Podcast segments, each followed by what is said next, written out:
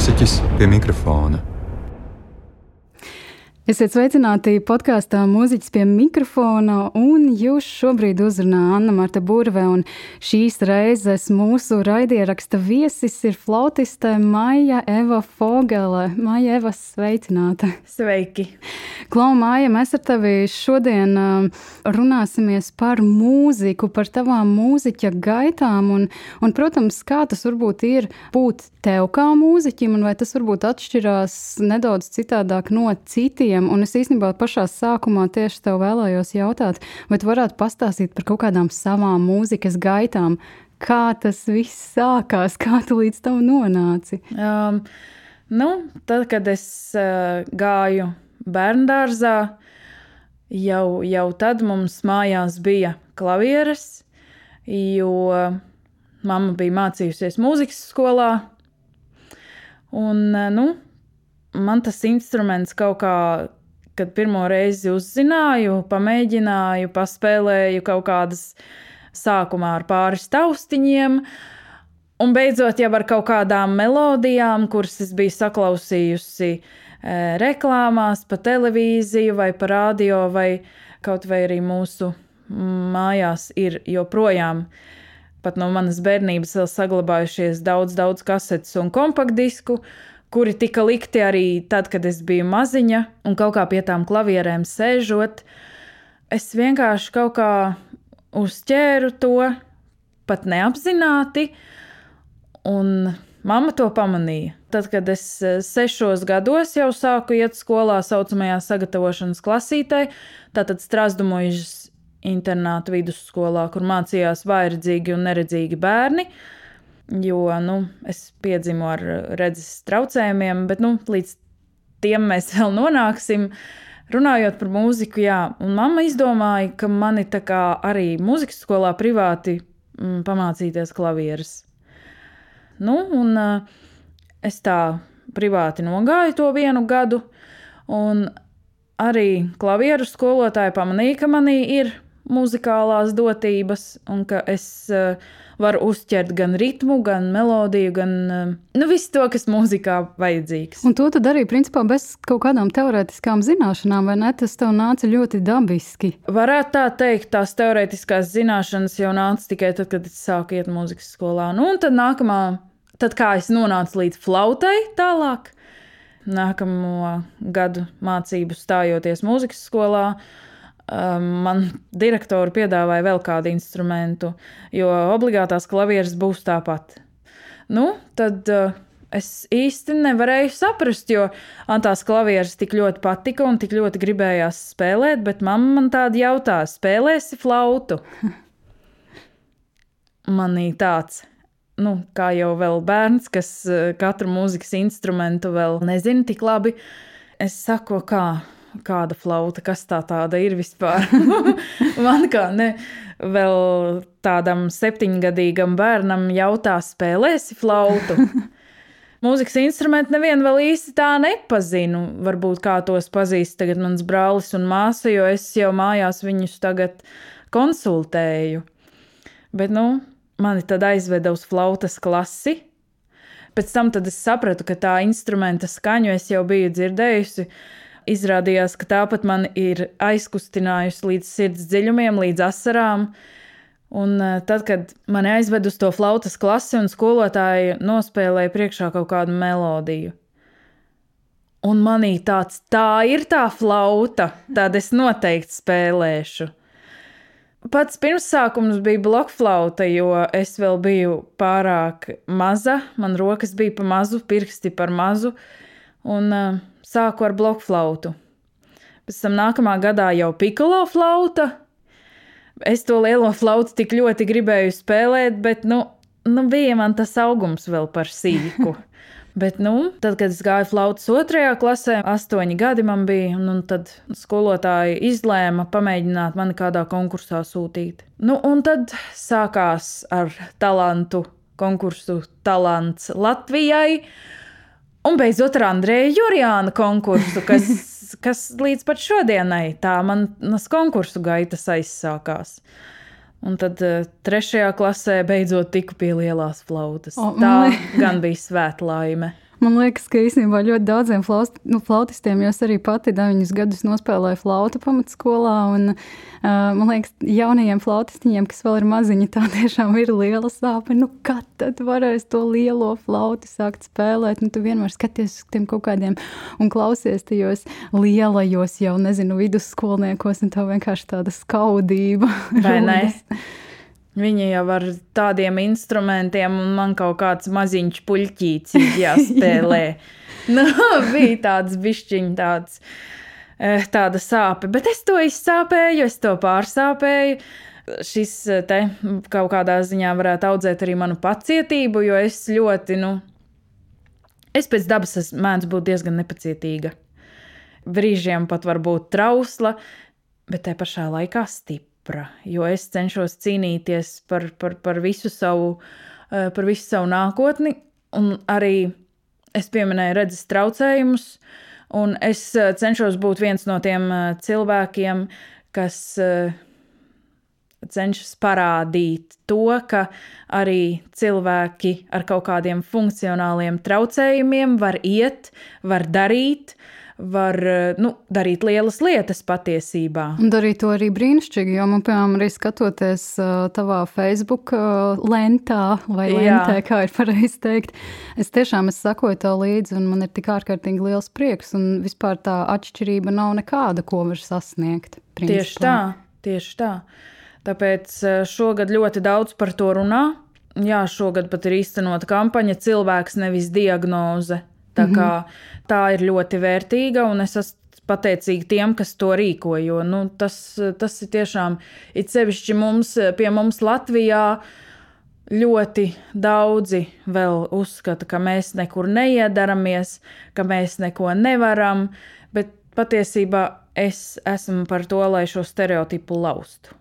Es īstenībā tev tieši gribēju saistībā ar šo pajautāt, vai tu varētu pastāstīt arī tīri no savas pieredzes un vienkārši kaut kādas savas pārdomas, ko tu savos uh, 24 gados, es pareizi saku, Jā. esi varbūt guvusi un pārdomājusi. Cik svarīgi būtu cilvēkiem pievērst uzmanību un tiešām sakot līdzi kaut kādiem vārdiem un terminiem, ko tie un mēs visi lietojam. Jo, piemēram, kad es ar tevi pirmo reizi sarunājos Zoomā, es nepareizi izteicos, es nosaucu tevi par neredzīgu cilvēku, un tu mani uzreiz izlaboji. Ja? Tad, piemēram, šī atšķirība starp neredzīgo un vairedzīgo cilvēku, vai dzīvojot Latvijā, tu to nosauktu par problēmu? Kāda ir bijusi tā tava pieredze ar kaut kādiem citiem cilvēkiem saskarē? Nu, te es varu pateikt vienu piemēru, spilgtu piemēru. Jā, ir, nu, protams, ka es nevaru neko pārmest cilvēkiem, kuri nav ikdienā ar to saskārušies un kuri īsti nu, nezina, ka mēdz būt visādi tie cilvēki ar redzes traucējumiem, jo viņi saprot, vai nu tu redzi pilnībā, vai neredzi nemaz. Mm -hmm.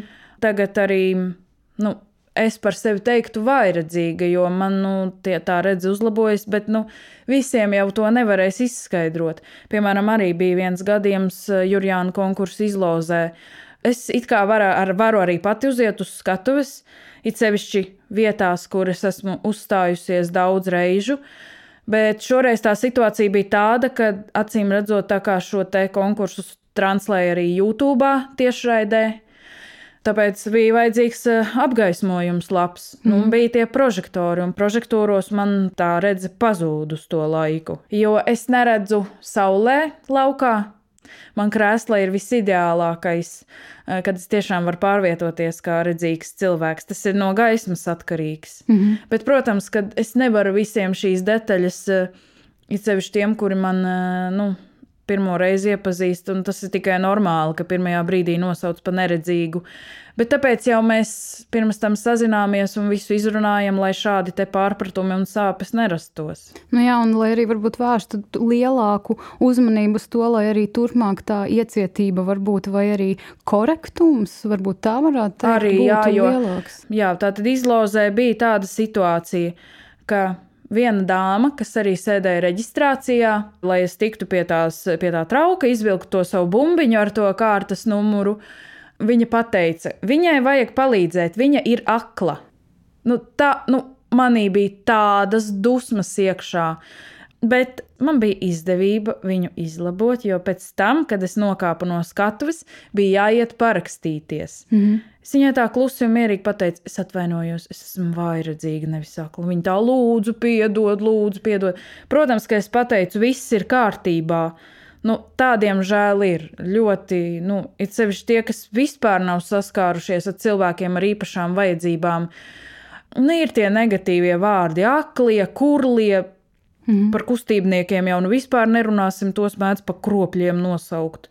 Nu, tas ir briesmīgi, es pat teiktu, nožēlojami. Nu jā, un tad bieži vien ir tā, ka tas cilvēks īstenībā, pat, piemēram, šis redzīgais cilvēks, viņš īstenībā pat neaizdomājas par to, ka tas, ko viņš ir pateicis, tā ir patiesībā tam otram cilvēkam var būt liela rūpība un var nodarīt ļoti, ārkārtīgi ļoti ļoti var aizskart, ļoti var aizskart. Tāpēc uh, viss saprotamāk uh, lai būtu cilvēks ar invaliditāti, bet tas ir tā ļoti, ļoti vispārināti. Bet, nu, lai nu kā, nu, nedrīkst cilvēkus tā uh, apsaukt, jo tas tiešām ir ļoti aizskaroši. Mm -hmm. Nedrīkst. Es atceros, ka es vienreiz, nu, man bija gadījums, ka skolā es pati norāvos, jo manā klasē gāja viens puisis, kurš bija vairdzīgs, bet viņam strauji, strauji pasliktinājās redzes un sportā viņš man uzskrēja virsū. Es, protams, pat nu, bišķiņ tā sabuksējāmies ar galvām, un, mm -hmm. kā jau gadās bērniem.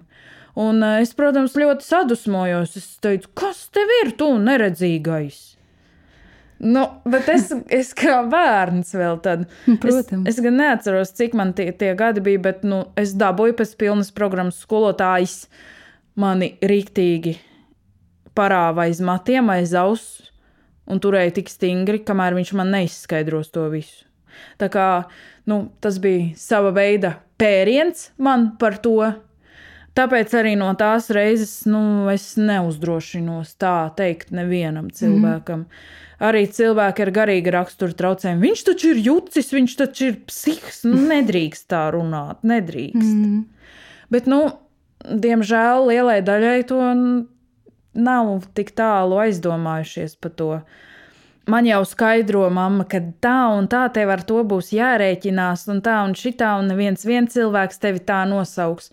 No vienas puses, jā, es visiem nevaru izskaidrot, ja nav tāda iespēja. Tā ir taisnība, bet no otras puses, nu, nedrīkst tā. Nu, tiešām nedrīkst. Klaumāja, varbūt rezumējot šo, par ko mēs tikko runājām, kā būtu korekti tiešām runāt ar cilvēkiem un par cilvēkiem tiešām šiem kaut kādiem tieši konkrēti redzes traucējumiem?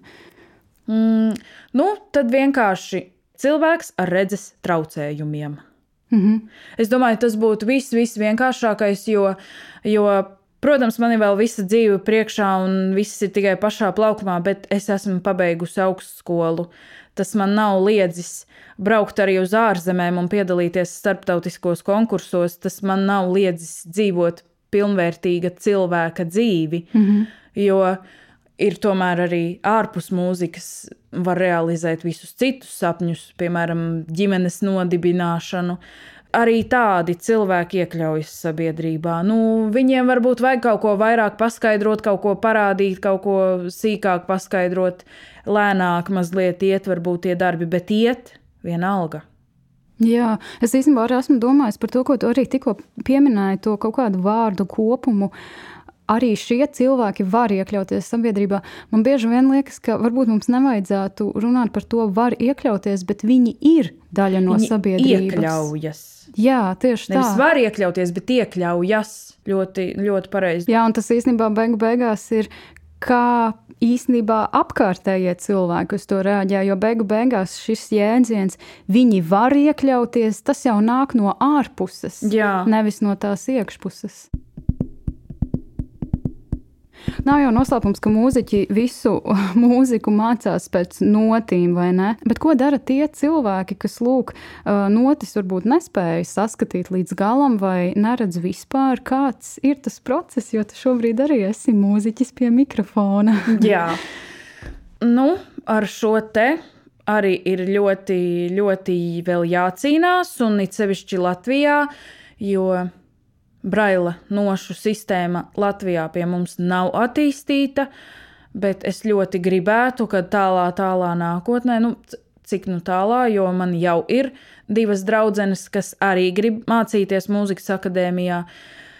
Un viņas, atšķirībā no manis, nu, viņām, diemžēl, tā acu gaisma ir vispār atņemta. Tad, nu, Braila nošu raksts tā ir ļoti, ļoti vērtīga lieta. 2017. gadā mums ar eh, jauniešu kori nāca līdzās. Bija brauciens uz Londonu.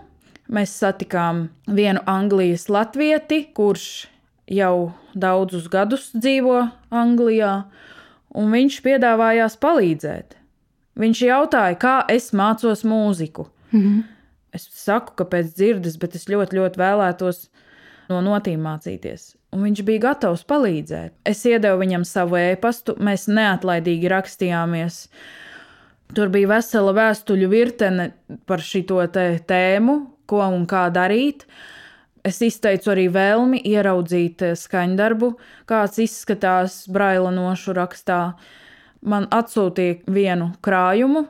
Es tā kā tās braila notis mazliet skolā biju apguvusi, bet acīm redzot, ar to nepietika. Mm. Jo tad, kad es atvēru to grāmatu, es sapratu, ka es neko nesapratu.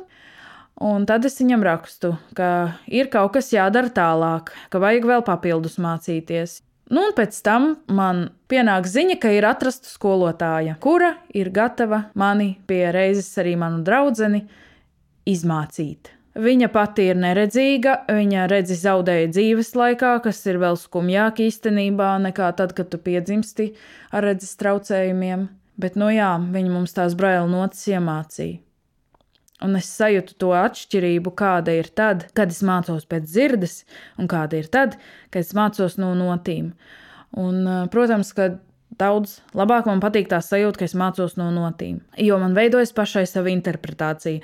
Es redzu, kur ir forte, kur ir piano, kādas zīmes, kāda tonalitāte tā ir. Raksturs eh, skaņdarbam, temps, taktsmērs. Nu, tas viss ir ļoti svarīgi. Ja tu to nezini, tad Tu tā kā tāds robots spēlē plikas notis. Es saprotu, nu, hei, nu, tā nav normāla mūziķa dzīve, kad skolotājam ir visu laiku jābaksta un uh, jāsaka, lai, nu, ka tā un šitā te jāspēlē un uh, jāievēro to, kas notīs rakstīts un tā. Bet iespēlējot to tekstu diktafonā, tas ir pliks teksts. Tur nav labi, var ievērot kaut kādus fortepiano, bet ar to jau vien nepietiek. Mm -hmm tā arī tas eh, aizgāja. Es atbraucu mājās, laimīga, iemācījusies, bet kā tagad es Latvijā varēšu to pielietot? Jo, diemžēl, nekas līdz šim nav mainījies. Es jau atkal esmu spiesta mācīties pēc dzirdes. Man tas ļoti nepatīk, man tas sāpina, abēdina. Pat rodas brīžiem nevēlēšanās jau muzicēt. Es jūtos apspiesta. Es tieši tev īstenībā vēlējos jautāt, ja tev, piemēram, ar kaut kādu, es nezinu, metaforu vai kaut kādu sajūtu, emociju būtu jāapraksta, tev bija šī pieredze ar braila nošu rakstu, un pēc tam atgriezties šajā klausīšanā, kā tu salīdzinātu šos divus lielumus ar kādu, pieņemsim, metaforu? Pēc dzirdes mācoties, mani iespundē krātiņā, tā kā zvēru dārzā, lai es nekur neaizbēgtu, vai vēl kaut kas, bet pēc notīm mācoties, es jutos kā putns un es ah. brīvi lidoju. Un mēs vienā stundā, es vēl šodien atceros, ka es tagad ar Līvu sēžu tajā vienā stundā. Mēs abas divas vienā, vienā mutē izsaucamies, es jūtos kā redzīgs cilvēks. Un tā bija tik fantastiska sajūta, vienkārši neaprakstāma. Un man tik ļoti gribējās to sajūtu atkal, un es atgriežos uz Latviju, un atkal man viņas nav. Bet, um, nu, kaut gan tad, kad es tajā pašā gadā gatavojos vienam konkursam, tur bija obligāts, ir flautai Telemans, ir sarakstījis 12 fantāzijas. Un viena no šīm fantāzijām bija jāizvēlas tajā konkursā.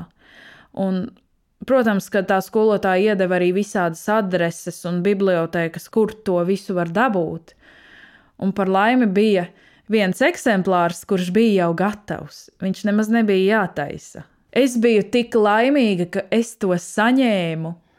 Un es to fantāziju arī iemācījos pēc braila notīm, un ir pilnīgi cita attieksme man pat pret to skaņdarbu. Nu, protams, tā klausīšanās tāpatās ir vajadzīga gadījumos, kad apjūk, var saprast, kas kā īsti ir, jo, nu, tā klausīšanās vienalga bija vajadzīga, bet tā lielos vilcienos es tiešām varēju mācīties pēc notīm. Tas bija fantastiski. Tā kā es tiešām par braila nošu rakstu īstenībā pat nebiju aizdomājusies, līdz kamēr es nesatiku tevi, cik ļoti, varētu teikt, šī, mm, šī ir populāra prakse pasaulē. Jo tu jau minēji, ka Latvijā nu, tas principā neeksistē, cik es saprotu, vai ne? Bet vai pasaulē tiešām ar vien vairāk un vairāk šis attīstās un ka mūziķiem ir pieejams arī šāds nošu raksts? Ārzemēs, jā. Piemēram, es zinu, ka Krievijā ir Eh, Sanktpēterburgā, kur arī es biju uz vienu eh, mūzikas festivālu, kur arī bija cilvēki ar īpašām vajadzībām. Es tur devos sakarā ar fondu nāc līdzās. Tas bija tieši pirms desmit gadiem, man bija 14. Es devos ar savām skolas meitenēm, mums bija meiteņu trijo, mēs tur dziedājām. Un tagad mums pienāk viens klāt un jautā, kā jūs mācāties mūziku? Pēc dzirdes, protams, mēs atbildējām. Un tad mums sāka pilnīgi tā diezgan stingri e, moralizējoši teikt, tas nav pareizi, jo nozogam skolotāja interpretāciju. Bet no otras puses, kā mēs varam nozagt to interpretāciju, ja tas ir pliks teksts, ko iespēlē? Nu, jā. Tas te, te ir tāda pretruna mazliet. Bet, nu, tagad izjūtot uz savas ādas, es saprotu, ka viņiem bija taisnība.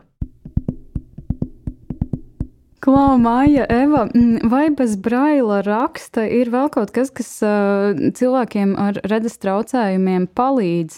Nu, jā, patiesībā es tā gatavojoties arī mūsu sarunai, domāju, iedzīvoties šajā patiesībā redzīgajiem radītajā pasaulē. Ja salīdzinu tos gadus, kad es sāku iet skolā tikko, tad bija jāiztiek tikai ar braila rakstu praktiski. Mm -hmm kas ir diezgan tagad mūsdienu laikmetā vispār neiedomājami. Jo tagad tiešām ir tehnoloģijas attīstījušās tik tālu, ka visi skārienu jūtīgie telefoni, kurus var nopirkt, viņiem runas programma ir jau iekšā. Tas, starp citu, ir tas, ko es mūsu Zoom tikšanās neteicu, bet tagad šeit visiem klausītājiem, kas klausīsies šo ierakstu, lielai daļai noteikti būs skārienjūtīgie telefoni, un man gribētos domāt, ka pēc šī visa, ko es tagad pastāstīšu, viņi sāks meklēt, kur tad tas ir. Jo tiešām visos Apple, Android, eh, nu, Windows, Windows Phone gan nav, bet eh, Apple un Android ir eh, runas programma. Apple'am tas ir VoiceOver, Androidam Talkback, jeb voice assistant, kāda no kuram tas Android atjauninājums. Kādreiz, vēl, kad bija podziņa telefoni, bija jāiet uz tiflotehnikas nodaļu. Tiflotehnika tie visi tehniskie palīdzekļi šādiem cilvēkiem. Nosaukšu dažus no tiem priekšstatām. Ķermeņa termometrs ar runas funkciju. Tāda vēl ir krāsu noteicējs, kuram ir tāda e, saucamā galviņa, jeb šo sensors, būtu pareizāk teikt, kuru pieliekot pie kāda priekšmetra, nospiežot podziņu, pasaka, kādā krāsā tas ir. Tad vēl ir asinsspiediena mērītājs ar runas funkciju. Nu, tas ir parasts aparāts, tikai tā runas funkcija ir iebūvēta. Mm -hmm. Ķermeņa svari, nu kas tik tagad nav? Ir gan medicīnas jomas, eh, tehniskie palīdzekļi, gan mācību, eh, ko es vēl vēlētos uzsvērt, ka ir tagad arī iespēja lasīt redzīgo grāmatas cilvēkiem, kuri pilnībā neko neredz. Jo tādiem, nu, piemēram, vairedzīgajiem kā man, vēl ir lupas un, un, un tādas lietas, bet tiem, kas pilnīgi neredz, ir pavisam jauns produkts. Skeneris, nes kāpēc viņu sauc par Bruno, kāpēc to es nezinu, bet e, svarīgākais tas, ka viņā ir iebūvēts balss sintetizators, ieliek iekšā grāmatu, noskenē un tad lasa to, kas ir rakstīts. Un šādu te tehnoloģiju es biju vēlējusies jau sen.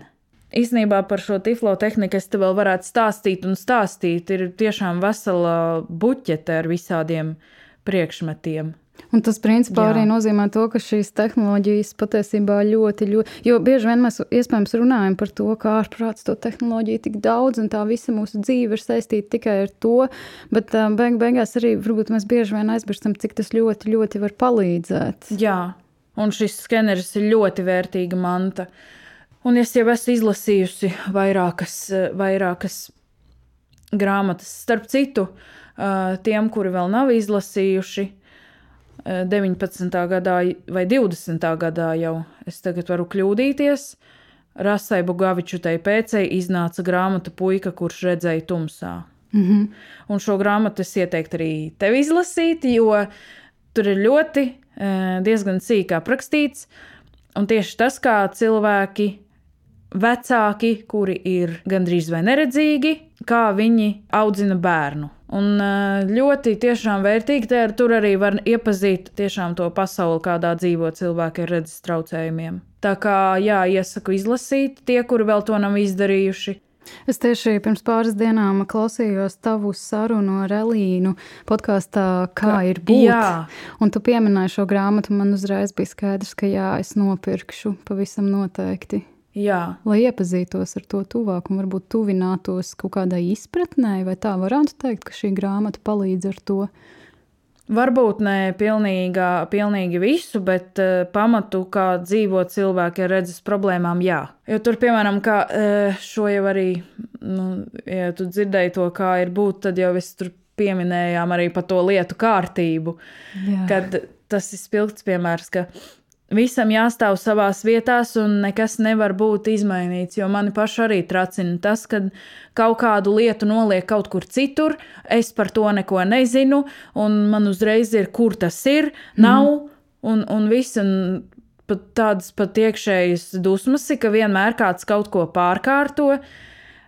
Nekā, tā kā es pie tā esmu pieradusi, tā kā jā, tālāk. Es īstenībā vēlētos tev pajautāt, kā tu nu jau divi gadi pagājuši, kad mēs tiešām dzīvojam tik nežēlīgi, uzmanīgi, baidoties visu laiku. Nu, kurš vairāk, kurš mazāk, bet kā tev šo laiku ir bijis pārdzīvot vai izdzīvot? Uh, jāteic, ka tagad šo pusgadu, nu, 12. martā apritēja gads, mm -hmm. kad uh, līdz šim brīdim kaut kādā ziņā man ir daudz vieglāk nekā tas bija pirms gada. Jo pirmkārt, es esmu vakcinēta, kas man tiešām ir devusi to drošības, vakcīna man tiešām deva to drošības sajūtu. Te arī man bija šī gribas iedrošināt tos cilvēkus, kas baidās no vakcīnas, ka ir vērts to izdarīt. Jo, nu, jā, baidāmies par blakus parādībām, bet tas ir normāli. No katras vakcīnas ir blakus parādības. Man arī bija, bet te nu es esmu dzīva, sveika, vesela. Nē, nu, protams, ka tas neatbrīvo no piesardzības. Tāpat tās jau ir jāvalkā maskas un jāmazgā rokas. Un, lai kā negribās, bet jā, es īstenībā pirmās situācijas dienas man gāja ārkārtīgi smagi, jo, nu, Tā kā man vēl ir vegetatīvā distonija, kur man atklāja jau no 13 gadiem. Un, protams, ka tas viss man sāsinājās, man bija fiziski ļoti slikti.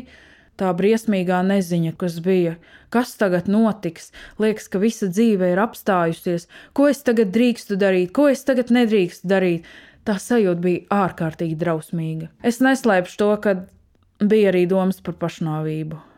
Es domāju, ka ne man vienai šajā laikā tā tas bijis. Jo it sevišķi jauni pusauģi, jaunieši, manējā paudze un jaunākā smagi to pārdzīvo. Tad es vēl studēju trešā kursā. Tieši, jo trešā kursa pirmais semestris vēl bija viss kārtībā, viss bija klātienē, un līdz martam, nu, tad arī vēl, un pēc tam, nu, visa tā attālinātā mācību sistēma. Sākumā es biju ļoti priecīga, man ļoti patika, ka es varu mācīties mājās un ka man nekur nav jābrauc.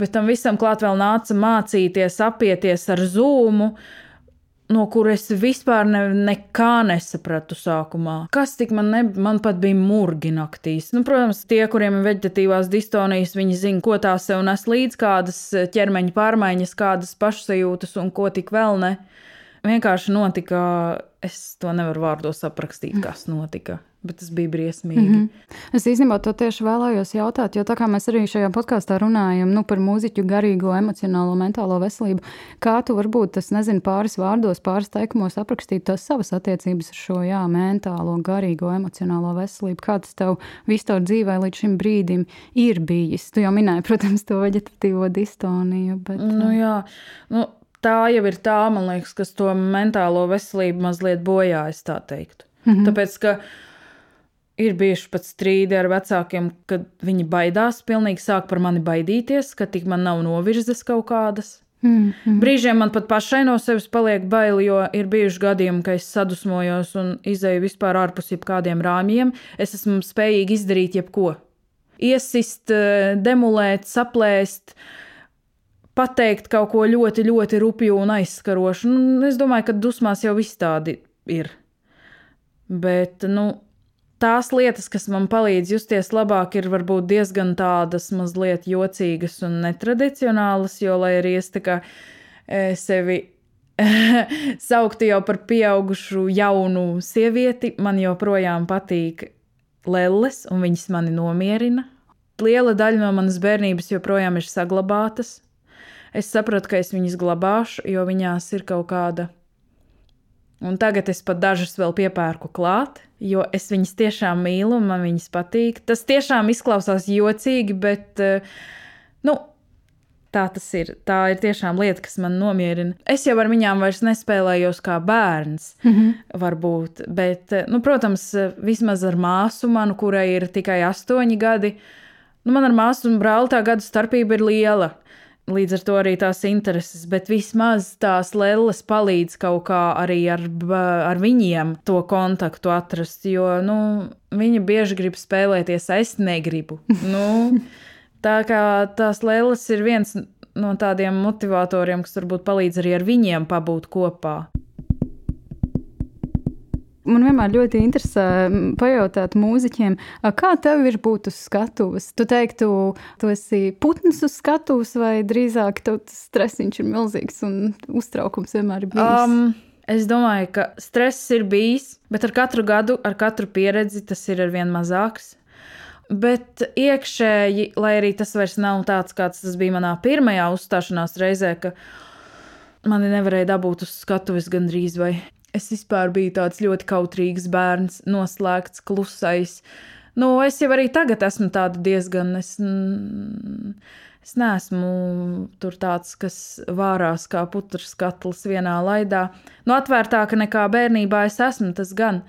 Bet uh, īstenībā, jā, skatuve varbūt arī ir tas, kas arī man iedrošina būt atvērtākai un komunicēt. Jo mūzika tā jau arī ir sava veida komunikācija ar publiku. Un tagad jau es esmu jau tādā stadijā, ka man gribas arī mazliet parunāt uz skatuves. Wow, es esmu dzirdējis no tik ļoti daudziem profesionāliem mūziķiem, ka, nu, piemēram, lūk, šis cilvēks, kas tiešām jau neskaitāmus gadus uz neskaitāmām skatuvēm spēlēs, ka ja viņam ir jārunā vai jāsveicinās, ka tā ir milzīga problēma vienmēr, bet tev tā nav. Izskatās. Ai, te ir īstenībā no viena grāvja uz otrā. Kādreiz man ar knīpstangām bija jāvelk ārā. Tiešām. Es negribēju ne ar vienu. Es darīju visu, lai izvairītos.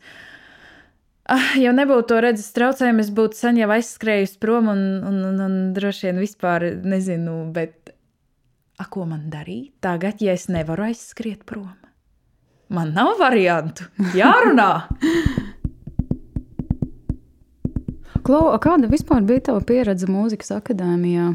Akadēmijā īstenībā man gāja diezgan veiksmīgi. Nu, visi uzņēma, viss bija saprotoši ar pasniedzējiem vienmēr es gāju pēc eh, lekcijām klāt un eh, paskaidroju par sevi, par savu situāciju. Un eh, sarunāju, kādā vieglākā veidā es tos darbus varētu izpildīt, kas tur ir jāpilda, jo es ne, nepieņemu atlaides un žēlastības dāvanas. Nu, protams, tik cik var. Ja tiešām ir kaut kas, ko es nevaru darīt, piemēram, braukt ar mašīnu, nu, bet to es arī kaut kā brīnumainā kārtā nemaz negribu. Bet ko man ir gribējies vadīt, ir tramvajs. Man patīk braukt ar tramvaju. Nu, protams, ka šai laikā es to nedaru. Bet es atceros, ka es biju pilnīgi slima ar to tramvaju. Mēs pat uh, ar veco mammu, viņa man, nu, tā kā asistents, Mēs pat vizinājāmies tāpat vien. Klaumāja, es īstenībā gribēju to pajautāt. Tu tikko par Omi savu pieminot, tu pieminēji arī tādu vārdu kā asistents. Vai tu varētu pastāstīt, ko tas uh, par asistentu? Asistents man vajadzīgs tādā gadījumā, lai es nokļūtu no vienas iestādes uz otru.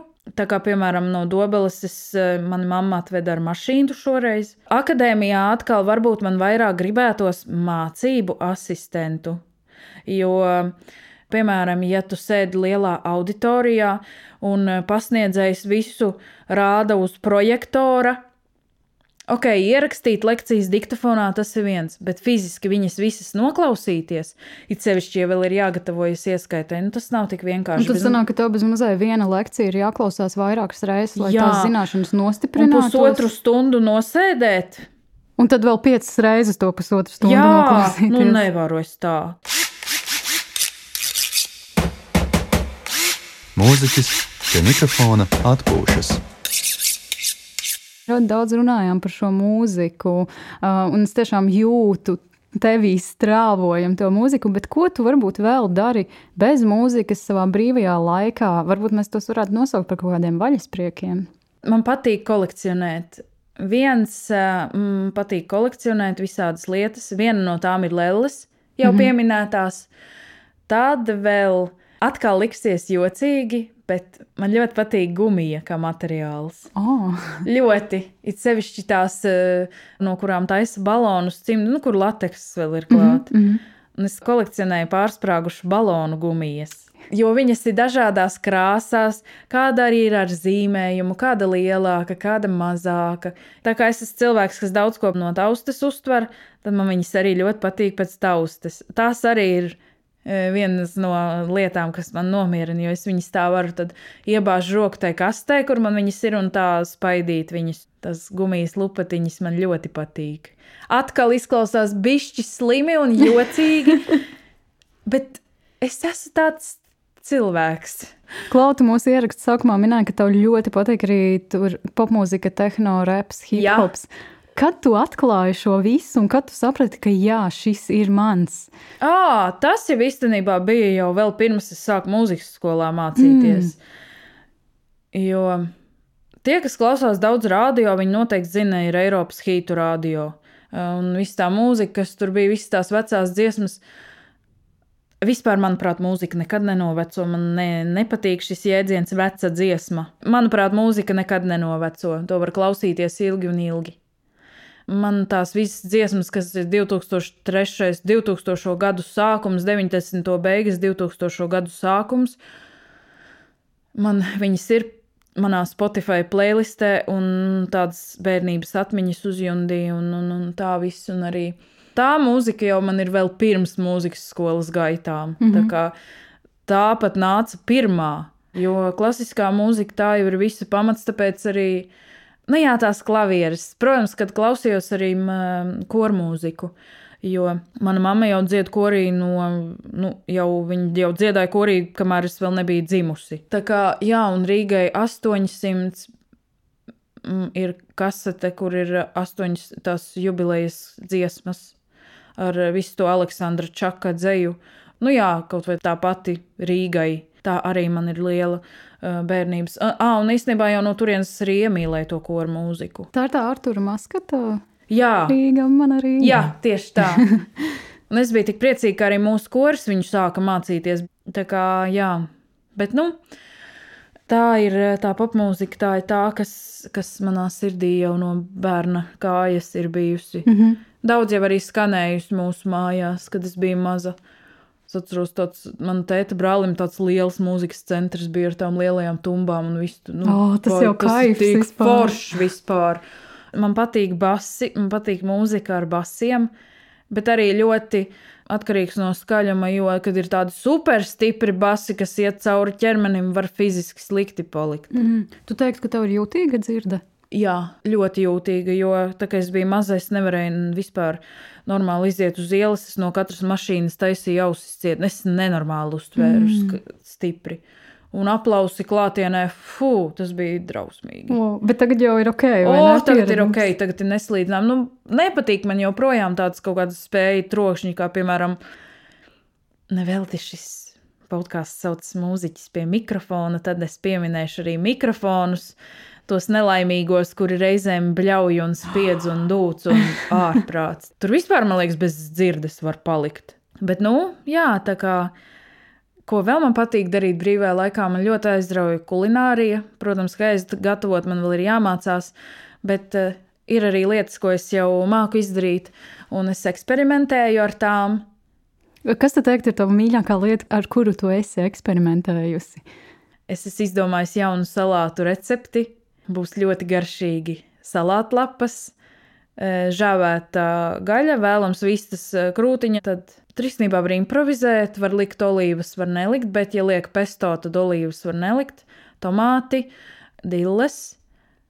Jā, laikam, tā, nu, siera gabaliņa, bet uh, pēdējā laikā es sapratu, ka jāliek vai nu vai nu vai siers vai gaļa, jo bija pa traknu, pa traknu sanāca.